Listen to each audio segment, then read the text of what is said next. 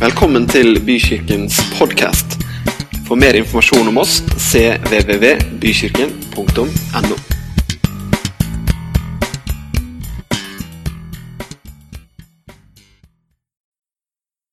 Yes, tusen takk for eh, gode ord, Bent Ove, og tusen takk for eh, invitasjonen. Det er en eh, ære og et privilegium å få lov til å komme på besøk i eh, Bykirken. Jeg har hørt eh, lovord om eh, kirka her, både av min kollega Håvard André Kilberg, han vet jeg har vært her før, og Thomas har vel også vært her flere ganger.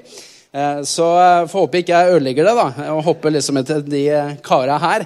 Men eh, veldig veldig stas å få lov til å, å være her. Jeg kjenner jo Bent Ove langt tilbake når han var rektor på vår eh, grunnskole i OKS. Så vi, jeg jobba ikke på skolen, men, men indirekte så var vi kollegaer og har hatt mange gode prater opp igjennom. Så utrolig kjekt å få lov til å, å komme på, på besøk her. og den kirka her er jo virkelig gode hender med, med en pastor som eh, Bent Ove og eh, Ole, en eh, eks-OKS-er, som sitter der. Det er veldig bra. Og så Ellen, hvor sitter du? Der, ja. En god venn av meg som har gått på bibelskolen. Så jeg mener den framtiden til den kirka her, det er, det er veldig, veldig bra. Eh, Jeg har ikke for vane å vise bilde av meg sjæl og familien, men jeg, jeg tenkte jeg kunne gjøre det siden det liksom er første gang jeg er, eh, er eh, på besøk her. Så det er da kona som står ved siden av. Er, hun heter Irene. og du vet, Det går en sånn debatt om dagen for deg som leser kristne aviser i forhold til underordning og hode og sånn. Og nå, nå ble han spent. Hva skal han si nå? Men ja, jeg er hodet i den vakre familien, men du kan bare la bildet stå. Jeg er hodet, men hun som står ved siden av, hun er halsen som vrir hodet dit hun vil. Så da, det er likestilling i familien der. Eh, Oliver og, og Markus, det, det er fotball som står i, i hodet deres, kan du si. Manchester United, det er riktig lag å heie på hvis du lurte på det. Eh, og så eh, Sa jeg noe gærent? Eh, og jeg, jeg er da pastor i Groruddalskirken med, med kona, som vi starta for eh, ti år siden. Tida flyr. Vi skal ha tiårsjubileum nå, på, eh, nå til høsten. Eh, vi er naboer med Skandinavias største moské, så det er som en sånn eh, veldig kraftig visuell påminnelse om at det trengs åndsfylte evangeliske kirker i den dalen der. 190 nasjonaliteter som bor i, i dalen der. Masse mennesker. Veldig herlig og spennende sted å få lov til å bygge kirke og prøve å gjøre evangeliet tilgjengelig for, for mennesker.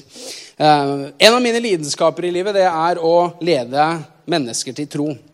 Jeg vet ikke med deg, men er det noe som hva skal Jeg si, jeg vet ikke om noe som gir meg på en måte mer revitalisering av mitt åndelige ve og vel enn å få lov til å spille en rolle i det å lede noen til tro. Er ikke det vakkert? Å se en venn, et familiemedlem, se et nytt menneske ta imot Jesus og eh, bli en del av kirka. Jeg elsker det. Og en ting som jeg også eh, er veldig glad i, det er at jeg også liker å undervise om, eh, om ting som kan være til hjelp i forhold til å, å dele evangeliet med andre. Og eh, det leder meg til å neste slide her. Amatørenes evangelium. Flott å høre at du likte boka så godt, Bent Ove. Eh, Jeg har med meg noen bøker i dag etter avtale med, med pastoren deres også, så det er mulig å, å få kjøpt den etter gudstjenesten her. Eh, og amatør, jeg vet at det kanskje kan være litt sånn provoserende ord. Og det, det var meningen også at det skulle være. Men, men hva er en amatør? Jo, en amatør det er jo en som utøver et fag eller en aktivitet eh, ikke fordi man er profesjonell eller faglært, men fordi man liker det. Fordi man faktisk elsker det. Ordet amatør det kommer av et latinsk ord som er amare. og Det betyr en som elsker. Og jeg tror egentlig det ligger nedlagt i enhver kristen at det er faktisk noe lystbetont noe. Det er noe som vil, det er noen som elsker å dele evangeliet med andre. Og jeg veit ikke hva slags smak du på en måte får i munnen når du hører dette ordet evangelisering. Egentlig er det et veldig godt ord. Det betyr å å formidle gode nyheter. Og jeg syns det er veldig kjipt at det ordet kanskje har fått litt eh, dårlig bagasje og, og noe negativt veng ved seg. Noen sa det sånn her en gang at eh, at eh, det, kristne og ikke-kristne har én ting til felles. Det er et anstrengt forhold til evangelisering. Ja. og Det er kanskje noe sannhet i det, men Nå er ikke den boka skrevet for å prøve å på en måte reparere den som har veldig tung og negativ bagasje på det som har å gjøre med evangelisering. Eh, men den er samtidig skrevet med stor kjærlighet og bevissthet eh, til den som skulle, skulle ha det. Og, og, da håper jeg altså at eh, skulle du kanskje ha fått evangelisering litt opp i halsen og syns det har vært litt trøblete, så håper jeg, hvis du kjøper boka, at det skal hjelpe deg til å få det som sitter i halsen, til å vise at det fins en sunn versjon i hjertet, og få det ned der. For det, der tror jeg det fins noe som faktisk elsker, noe som liker å dele evangeliet med, med mennesker. Jeg husker en gang for eh, ja, røftlig 15 år siden så eh, åpna jeg og, og, vennene mine hjemmet vårt. Eh, kollektivet vi bodde. Vi inviterte naboer, eh, venner fra kirka, venner som ikke gikk i kirka, på en venners venners fest. God musikk på høyttaleren, eh, god mat, god stemning. Og praten går, og så hører jeg i, i kroken her at eh, noen venner av meg de, de, begynner å prate om kristen tro med en som ikke, ikke tror. Og han stiller eh, et veldig oppriktig spørsmål. Han, han sier i samtalen men dere, hvorfor, hvorfor måtte Jesus dø på korset? Og ikke, ikke liksom et forsøk på å angripe, et oppriktig spørsmål.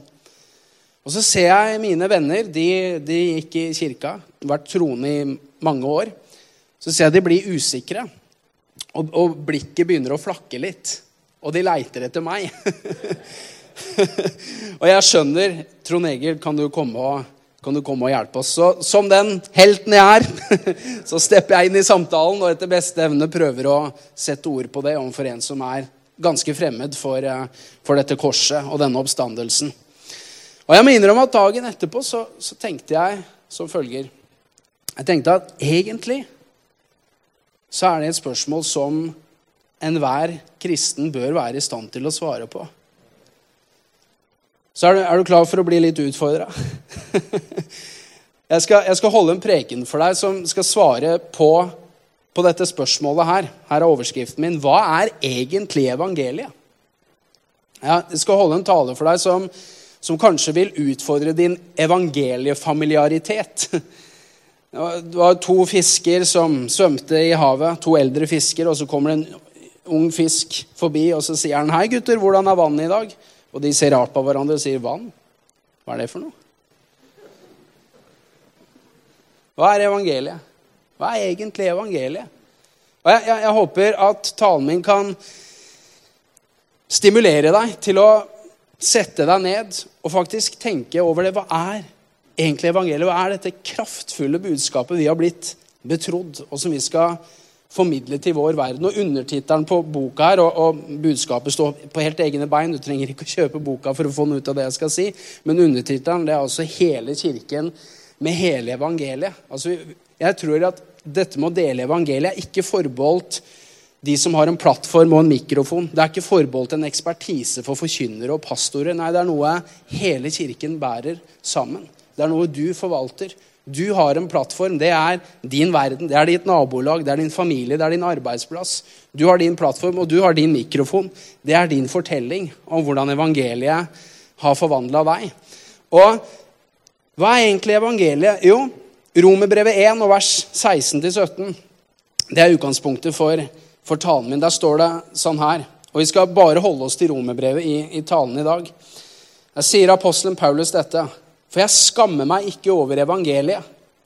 Det er en Guds kraft til frelse for hver den som tror. Jøde først, og så greker. For i det åpenbares Guds rettferdighet av tro til tro, slik det står skrevet. Den rettferdige skal leve ved tro. Så her sier Paulus jeg skammer meg ikke over evangeliet. Evangeliet. Hva betyr det? Punkt 1. Evangeliet. Det er ikke gode råd, men det er gode nyheter. Ordet evangeliet det betyr gode nyheter. Det er den greske tekniske termen. Det nye testamentet er skrevet på gresk. Det er hva det betyr. Gode nyheter. Og det, Opprinnelig var det ikke et religiøst ord når Det nye testamentet ble skrevet. Det var et ord som ble brukt for å annonsere en historisk hendelse, som f.eks. annonseringen av at vi har fått en ny konge. Evangelium, altså gode nyheter, vi har fått en ny konge. Eller evangelium, keiseren har, har fått en ny sønn. Evangelium, vi, vi vant krigen. Og forskjellen på gode råd og gode nyheter, hva er det for noe? Jo, gode råd. Det handler jo om noe som ennå ikke har skjedd. Du skal gjøre noe for å få noe til å skje. Men evangeliet det er gode nyheter. Det er en rapport om noe som allerede har skjedd. Du kan ikke legge noe til, du kan ikke trekke noe ifra. Det eneste du kan gjøre, det er å respondere. La meg gi deg en illustrasjon. Se for deg et uh, slag fra antikken. Og det er en invaderende hær som er på vei mot hovedstaden. Og hva gjør kongen da? Jo, han, han må forsvare landet sitt. Og se for deg at denne invaderende hæren, den bryter igjennom. Den, den, er på vei til å ta hovedstaden. Hva, hva, gjør kongen da? Jo, da må han sende militærrådgivere til byen. Ikke sant? Og de kommer inn i byen, og de kommer ikke med et evangelium. Nei, de kommer med gode råd. De sier, 'Ryttere her, bueskytere her, dere må kjempe for livene deres.' Ikke sant? Militærrådgivere. Men hva skjer hvis seieren blir vunnet?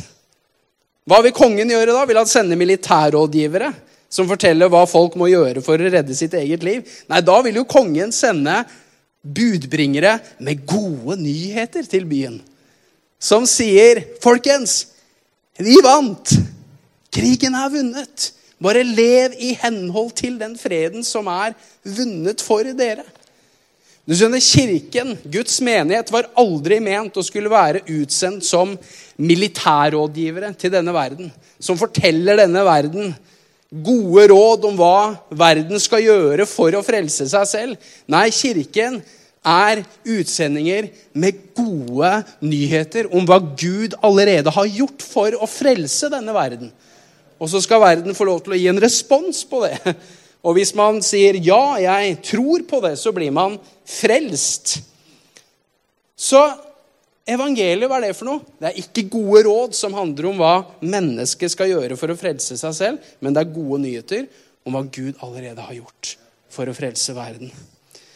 Og sentrumet i, denne, i disse gode nyhetene, hva er det for noe? Jo, Paulus sier i Rombrevet 1, vers 16 og 17, så sier han For jeg skammer meg ikke over evangeliet og så sier han det er en Guds kraft til frelse for hver den som tror. Frelse, hva er det for noe? For da, da fins det jo noe å bli frelst fra. Hvis ikke det fins noe å bli frelst fra, hva skal vi med en frelser da? Så kan du se hvor viktig det er å se at det fins noe å bli frelst fra. La oss snakke litt om synd. Det er kanskje det mest upopulære du kan snakke om i 2022. Hvis det, hvis det finnes et postmoderne evangelium, så er det evangeliumet det er budskapet om at det fins ikke noe som heter synd. Og frelse, det er å bli frelst fra tanken om at det er noe som heter synd. Fikk du tak på den?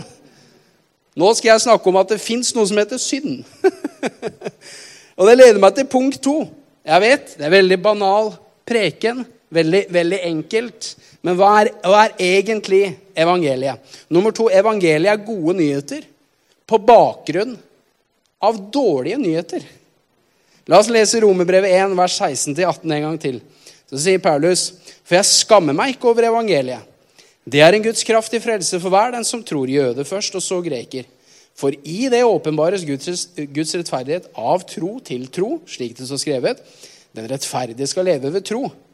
Vers 18. For Guds vrede blir åpenbart fra himmelen over all ugudelighet og all urettferdighet hos menneskene, de som holder sannheten nede i urettferdighet.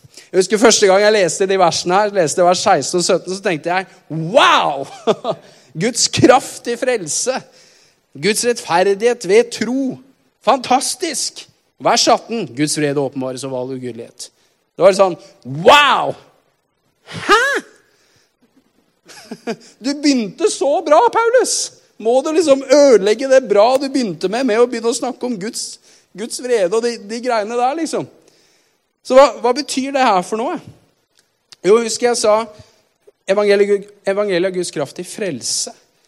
Frelse, ja, det fins noe å bli redda fra. Det fins noe å bli frelst fra. Og det, det, jeg opplever Paulus gjør her er, er, det greit om jeg tar på meg bibelskolelæreren i, i ti minutter her?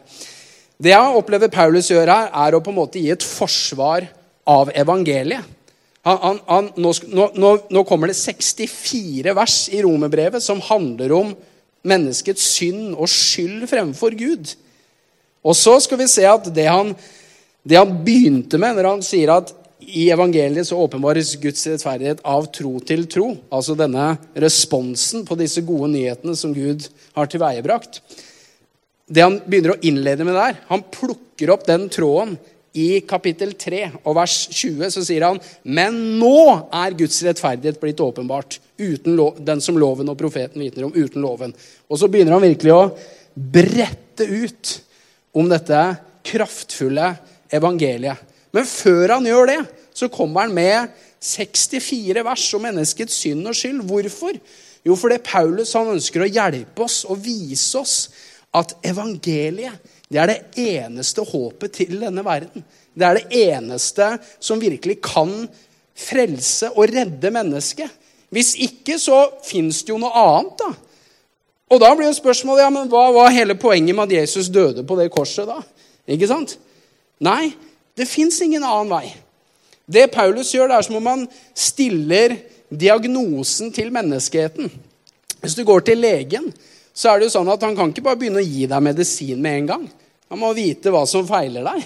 Han må stille en diagnose. ikke sant? Og så skriver han ut medisin til deg. Vel, Paulus han stiller diagnosen til menneskeheten i disse versene her. En annen måte å forstå det Paulus gjør, det er at det er som om han det er som om han legger en sånn stor, svart filtduk, og så dropper han en diamant oppå den filtduken. Jeg vet ikke om det er noen, som, noen av dere mannfolk som har kjøpt diamantring til kona si. Jeg kan spørre konene, da. Er det noen som har opplevd det? Hvis, ikke, så, hvis du ikke har opplevd det, så har du muligheten nå til å dulte bort til mannen din og så si nå, nå er det på tide. Hvorfor, hvorfor legger man diamantringen i, i, butikkene på sort filt? Jo, det er jo fordi at eh, du skal se hvor strålende vakker denne diamanten er. Den blir bare enda mer attraktiv. Og du skjønner det Paulus gjør nå? Nå begynner han på en måte å veve en sånn sort, stor filtduk han bruker veldig sterke ord. Har du lagt merke til det når du leser rombrevet? Veldig svart, sterk, svart farge i språket sitt. Og bare en, Skyte inn en kommentar før vi begynner å lese her. Jeg tror det er viktig å være klar over at dette er jo på en måte en Rombrevet er jo en in-house samtale mellom Paulus og menigheten. Du vil aldri se at Paulus bruker så sterkt språk når han er ute blant mennesker og, som ikke på, kjenner Gud, og forkynner evangeliet, så lister ikke han opp disse smørbrødlistene og smører menneskets synd og skyld inn i ansiktet deres. Eh, eh, han snakker om synd, men han gjør det på en annen måte. Det tror jeg er greit å huske på, så man ikke liksom tenker at yes, det her er det vi skal ut på, på torget med. Jo da, vi har et budskap om synd, men, men, betoningen i evangeliets budskap om synd, hva er det for noe? Jo, det er syndenes tillatelse ved troen på Jesu navn. Og så vil også Den hellige ånd være med å, og på en måte hjelpe mennesker til å skjønne jeg, jeg trenger en, en, frelse. Masse frelser. Masse å si om det. Bare skyter den kommentaren inn der. Ok, la oss, la oss snakke litt om synd. hva, hva, er dette for noe? Og la oss lese Romerbrevet 1, vers 28-31. Så sier Paulus det her. Veldig oppbyggelig vers. Hør på det her. De brydde seg ikke om å kjenne Gud Derfor overga Gud dem til en sviktende dømmekraft, så de gjør slikt som ikke sømmer seg. De er fulle av all slags urett, umoral, grådighet og ondskap. Fulle av misunnelse, mordlyst, strid, svik, falskhet. Blir det oppbygd her? De farer med sladder og baktalelse, hater Gud, bruker vold, er overmodne og brautende. De pønsker ut ondskap og er ulydige mot foreldrene. De er uforstandige, upålitelige, ukjærlige og ubarmhjertige. Det er ganske klar tale. Og en ting som mange teologer tenker når de leser det her, og jeg er enig med dem, det er at eh, det Paulus gjør her, er at det her er på en måte en diagnostisering av hedningenes synd og skyld fremfor Gud. Det vil si de som ikke er av jødisk opphav, som ikke er jødisk i sin nasjonalitet. Grunnen til det er at versene før de versene jeg leste nå, snakker om avgudsdyrkelse. Det var noe som eh, ikke-jøder var veldig kjent for på, på, den tiden her, og det var også noe som jødene eh, så på som avskyelig, og, og noe som skilte jøder fra hedninger, bl.a. Og i menigheten i Rom, som dette brevet er skrevet til, så har du en stor gruppe jøder. Og det er en stor gruppe med romere, altså hedninger. Eh, og når vi leser det her, så er det kanskje ikke like lett å, å, se hva Paulus gjør her. Men jeg tror det Paulus gjør her, det er genialt. Han hjelper oss til å vise at alle trenger nåde. skjønner du.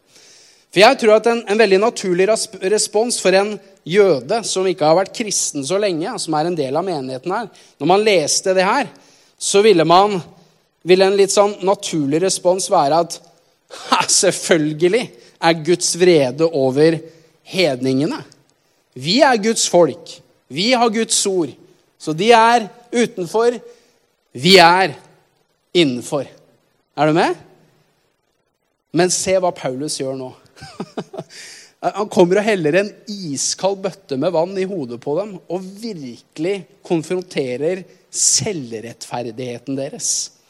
For etter at han har ramsa opp denne fæle lista med ulike typer synder, så er det som om han bruker syndene til noen andre for å eksponere en annen gruppe synd, som er selvrettferdighet.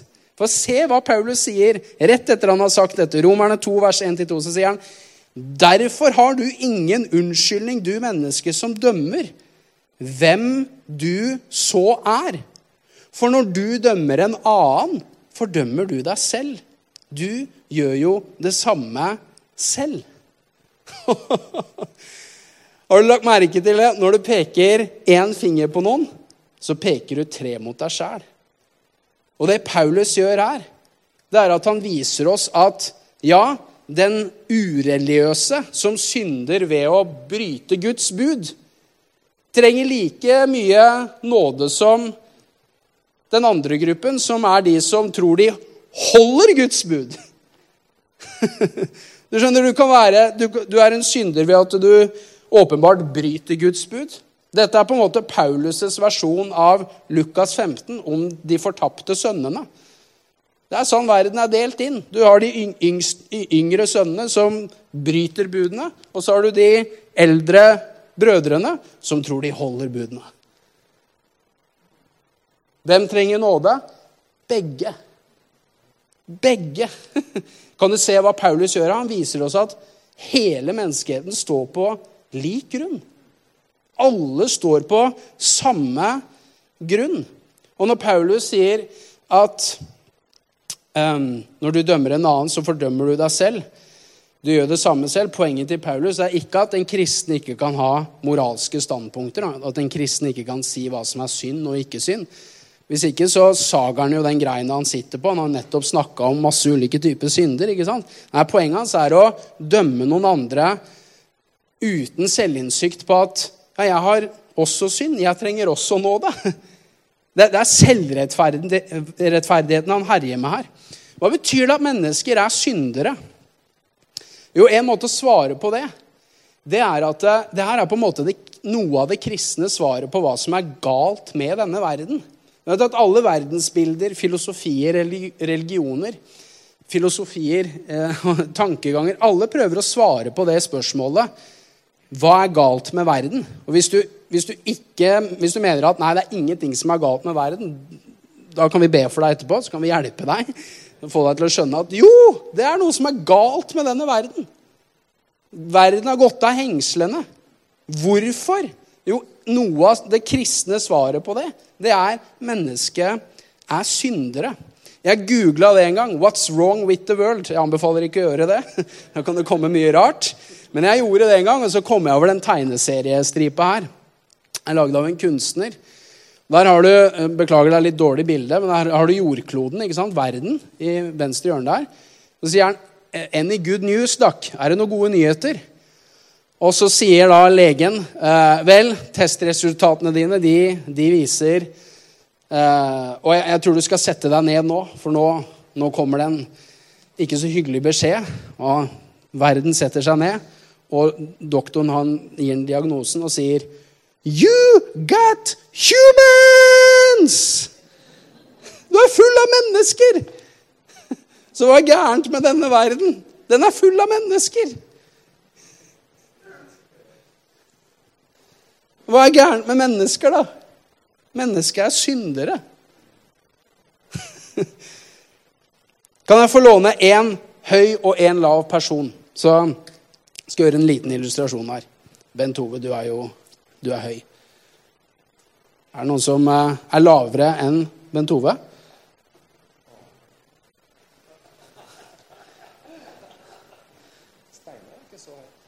Ellen kommer. Skal du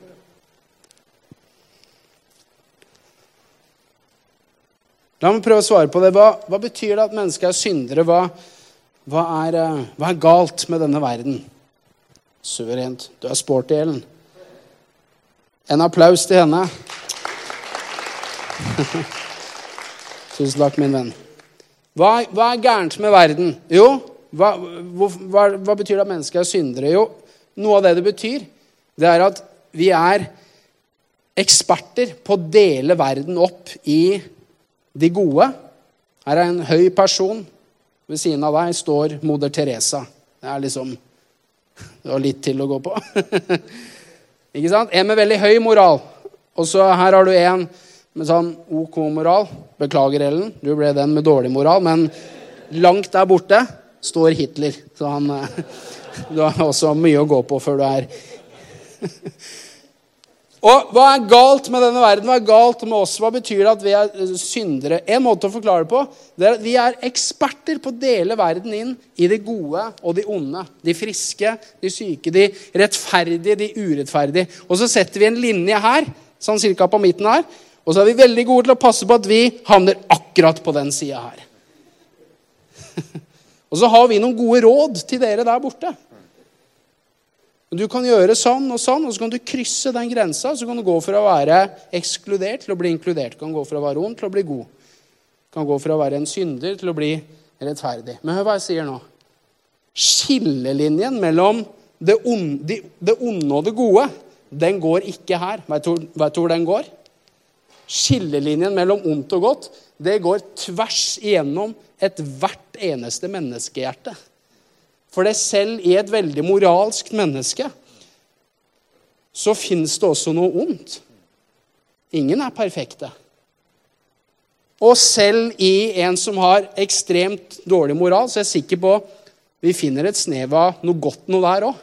Så kan du se det. Skillelinjen mellom ondt og godt det går ikke her. Det går tvers igjennom mitt hjerte og hjertet til den som er ved siden av meg. Hva betyr det? Det betyr vi står alle på samme grunn. Ja, ulik moralsk livsstil, ulike konsekvenser. Men fremfor Gud så er det sånn at ingen, ingen har høy nok moral. Så hans standard den går høyt her oppe. Ingen når opp til den. Og hva betyr det? Jo, det betyr at alle er syndere, og alle trenger nåde. Kan du se det? Og det, her er, det er en sånn enkel illustrasjon, men som kan hjelpe oss til å huske på dette i møte med mennesker. Vi, eh, vi kan si takk til disse igjen. Tusen takk.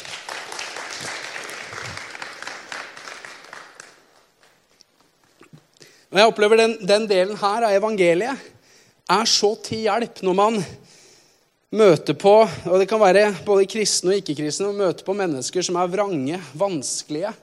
Men bare huske på at ja, men vet du hva, gitt, gitt de samme omstendighetene, oppveksten, kultur, arv og miljø, så kunne jeg gjort akkurat det samme. Jeg kunne vært verre enn den personen. Det, derfor er det veldig viktig å ha med denne siden av evangeliet.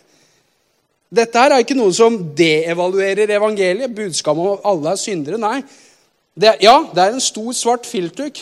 Men så, når vi dropper diamanten her, så ser vi Wow, så kraftfullt evangeliet er. alle har synda. All, og alle trenger nåde. Vet du hva det gjør med meg? Jo, det ydmyker meg ut av min egen selvgodhet. Og jeg forstår at eneste forskjellen mellom meg og mennesker som ikke kjenner Gud, ja, det er Jesus Kristus. Jeg har fått høre om det og fått tatt imot det. Men uten han, hvor hadde jeg vært i mitt liv da? Det er en veldig bra øvelse å gjøre noen ganger. Å sette seg ned og faktisk tenke på det. Jeg vil utfordre deg, særlig deg som har vært kristen hele livet ditt. Kanskje du sitter og tenker ah, jeg har ikke noe særlig historie å fortelle. jeg har ikke noe vitnesbyrd. Sludder over oss. Det fins ingen dårlige vitnesbyrd. Det fins bare gode vitnesbyrd. Hvis du er frelst, så har du et fantastisk vitnesbyrd. Og Jeg vil utfordre deg som har vært kristen lenge, kanskje deg som har vært det hele livet. Du som ikke har den der datoen fra da du gikk fra mørke til lys. Du som ikke har ligget i rennesteinen før. Hør her. Hvor hadde du vært hvis ikke hadde vært for Jesus? Hvem vet hvor du hadde vært i livet? Nei, takk Gud for at du en gang fikk høre om Jesus. Og du fikk ta imot det. Og du skjønner Det å sette seg ned og tenke sånn, tenke på sin egen troshistorie, det, det fyller deg med takknemlighet. Og så begynner du å komme i kontakt med det lystbetonte Gud har lagt ned i hjertet ditt, som vil fortelle andre mennesker om det her. Jeg har lagt merke til i mitt eget liv, og det er veldig vanskelig å holde tilbake evangeliet når jeg lever i evangeliet selv. Det er veldig vanskelig å holde det, holde det tilbake. Så hva er evangeliet? Jo, det er ikke gode råd, det er gode nyheter. Og så er det gode nyheter på bakgrunn av dårlige nyheter. Og det tredje punktet mitt er evangeliet. Det er en god CV fra Gud til deg. Hva mener jeg med det? Jo, vi kan, vi kan hoppe over det neste verset, så kan vi gå til kapittel 3 og vers 21-24. La oss bare oppsummere, eller la Paulus oppsummere. Det han eh, sier selvfølgelig mye mer om det her, men her kommer det en slags oppsummering og en, og en utbrodering av dette evangeliumet. Da står det sånn her Men nå er Guds rettferdighet blitt åpenbart uavhengig av loven. Om den vitner loven og profetene. Dette er Guds rettferdighet som gis ved troen på Jesus Kristus til alle som tror. Hør på det her. Her er det ingen forskjell. For alle har syndet, og de har ingen del i Guds herlighet, men ufortjent og av Hans nåde blir de erklært rettferdige på grunn av forløsningen i Kristus Jesus. Ser du Paulus sier det? Det er ingen forskjell. Det er ingen forskjell. Alle har synda, og hvem som helst som tror, blir rettferdiggjort av Gud. Vi står alle på lik grunn. Og hva er rettferdiggjørelse ved tro? Jo, det er der jeg sier at evangeliet handler om en god CV fra Gud til deg. Hva er en CV? Jo, en CV kan på en måte illustrere både hva rettferdiggjørelse ved tro ikke er, og, og hva det er. La, oss, la, meg først si hva det ikke er. Hva, er rettfer, hva rettferdiggjørelse ved tro ikke er. Og Da kan du tenke på en, en, CV. Hva er en CV? Jo, en CV det er jo en liste over dine ferdigheter og prestasjoner og på en måte meritter. Noe som du har med deg når du søker på jobb, f.eks. Du, du kommer med en CV i håp om å bli bekrefta og at døra skal åpnes opp for deg, og mulighetene skal, skal bli gitt deg. Og du skjønner, Det er, det er slik enhver religion, ethvert livssyn som ikke har med evangeliet å gjøre, tenker. Nemlig at man kommer i håp om å bli akseptert av Gud basert på ens prestasjon. Basert på ens egne meritter, ens på en måte moralske og åndelige CV. Men evangeliet det handler om at ingen blir akseptert av Gud. Ingen har god nok moralsk, åndelig eh, CV fremfor Gud. ingen, ingen er god nok i seg selv til å bli frelst. For hvis noen er god nok, ja, hva skulle vi med Jesus da? Igjen kan du se hvor viktig det er å se. Evangeliet er gode nyheter på bakgrunn av dårlige nyheter. Men du skjønner, for første gang i historien etter Jesu døde oppstandelse så kommer det, kommer det en helt ny måte som mennesket kan bli akseptert av Gud på. Paulus sier det, men nå er Guds rettferdighet blitt åpenbart uten loven, sier han. Og det er en rettferdighet ved tro. Og hva, hva er det for noe, da? Jo, rettferdighet ved tro kan også sammenlignes med en CV. Det er bare at her kommer ikke du og presenterer din CV fremfor Gud i håp om å bli godtatt. Her er det Gud som kommer til mennesket og presenterer Jesus sin CV fremfor deg. Se for deg du kommer og søker jobb. Du kommer med CV-en, og sjefen sier Sorry, det der er ikke godt nok. Du må ha mye bedre skills for å få jobben her. Men han som jobba før deg oh, Top notch. Han jobba og sto på. Beste ansatte jeg har hatt. Og veit du hva, her er CV-en. Jeg skrev CV-en. Og faktum er at hvis du søker jobb basert på hans CV, så skal jeg ta deg inn. Da skal du få jobben.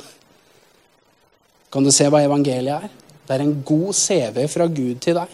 Du skjønner, Gud ble menneske gjennom Jesus, levde det livet vi skulle ha levd tok straffen for det livet vi levde. Døde. Ble lagt i en grav, ble oppreist fra de døde. Og ved å tro på det, så er det som om å ta imot livet til en annen. Det er som å ta imot CV-en til en annen. Jesus fikk den behandlingen vi fortjente, og vi får den behandlingen han fortjente. Vi får hans rettferdighet. Vi får det som en gave.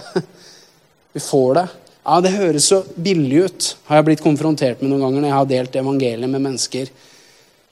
Og ikke minst i møte med mennesker som er veldig religiøst anlagt i, i liksom institusjonell religion. Der hvor jeg bor, f.eks. I, i Groruddalen. Det der, det der er så billig. Vet du hva jeg pleier å si da? Nei, min venn, det er ikke billig. Det er gratis. Mens for Jesus så kosta det alt. Nåden er gratis for oss, men for Gud så kosta det blod. Nåden er dyrebar. Den er blodkjøpt. Hæ? Men for oss så er det gratis. Du skjønner, Hva er evangeliet? Evangeliet det er ikke at Gud viser denne verden en regning som sier hvor mye mennesket skylder Gud. Her er regninga. Betal med så mye god moral. Nei, Evangeliet er ikke at Gud viser denne verden en regning som sier hvor mye verden skylder han. Evangeliet er en kvittering som sier 'se hvor mye Jesus har betalt for deg'. Det er i orden. Korset er en soning for våre synder. Så det er betalingen. Jesu blod er betalingen. Veit du hva det gjør oppstandelsen til? Hvis korset er en betaling, ja, da er oppstandelsen en kvittering.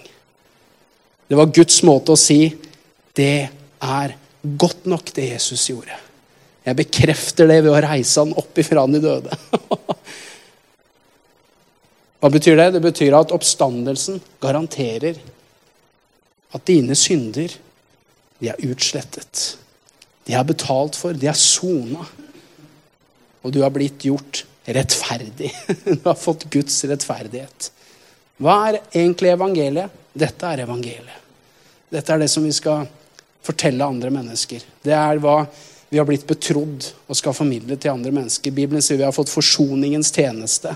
Hvor vi skal si til mennesker la deg forsone med Gud. Gi en respons på dette som Gud har gjort for deg. Ikke gode råd om hva de skal gjøre, men gode nyheter om hva Gud allerede har gjort. Og det her forvandla mitt liv. Når jeg var 19 år, så satt jeg fast i gjørma. Jeg var avhengig av rus.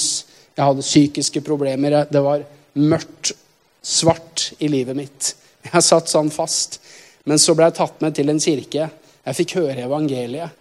Og Gud møtte meg ikke der jeg skulle ønske jeg var, eller der han krevde at jeg skulle være, men han møtte meg der jeg var.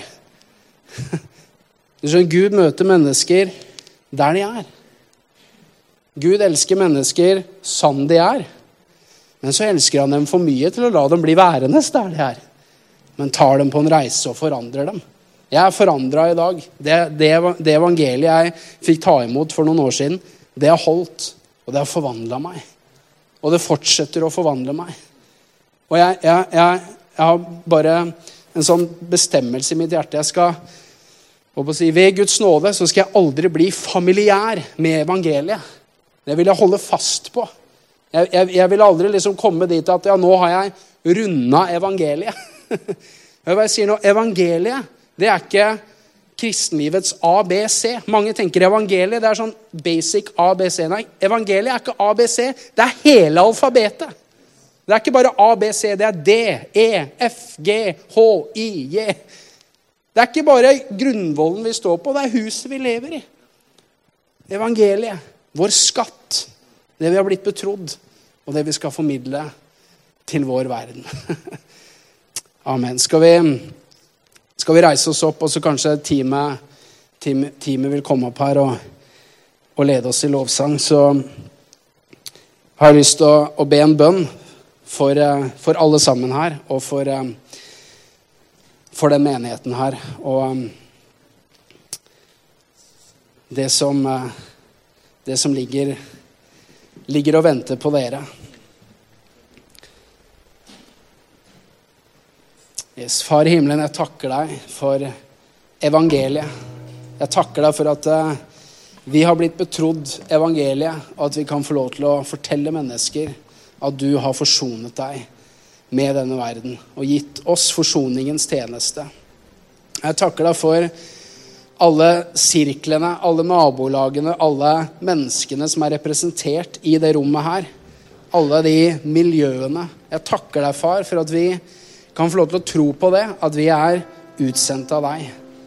At vi er utsendt av deg. At det å være en misjonær er ikke bare de som krysser en landelinje. Nei, det ble vi da vi kryssa linjen mellom død og liv. Da vi kom til tro på deg, så ble vi samtidig sendt ut med evangeliet. Og takk for at din Hellige Ånd har vært med i kirken i 2000 år og er fortsatt med oss. Takk for at eh, bykirken i Tønsberg er fylt av din Hellige Ånd. Og takk for at vi går ikke aleine i det oppdraget her. Og takk for at du, Hellige Ånd, du leder oss til møtepunktet med mennesker. Du leder oss til mennesker som er åpne og nysgjerrige. Takk skal du ha. I Jesu navn så ber jeg om en åpen dør for evangeliet i menneskers verdener. Jeg ber om en åpen dør for evangeliet. Jeg ber om at eh, når vi snakker med mennesker, så gi Den hellige ånd oss ord og tale. Vi kan på den ene siden forberede oss, men samtidig så kan vi også forvente at du, Hellige Ånd, du hjelper oss. Takk, Hellige Ånd. Og du sa at, Jesus, du sa at når han kommer, skal han overbevise verden om synd. Og synden er at de ikke tror på deg. Så vi takker deg for at vi slipper å bære den byrden på våre skuldre og skulle overbevise mennesker. Nei, vi kan gi dem evangeliet, og så kan vi stole på at du, Hellige Ånd, du tar deg av overbevisningen. Du skaper troen i mennesket. Takk skal du ha, Herre. Takk skal du ha. I Jesu navn, vær frimodig med evangeliet. I Jesu navn skal vi tilbe Gud litt og, og lovsynge.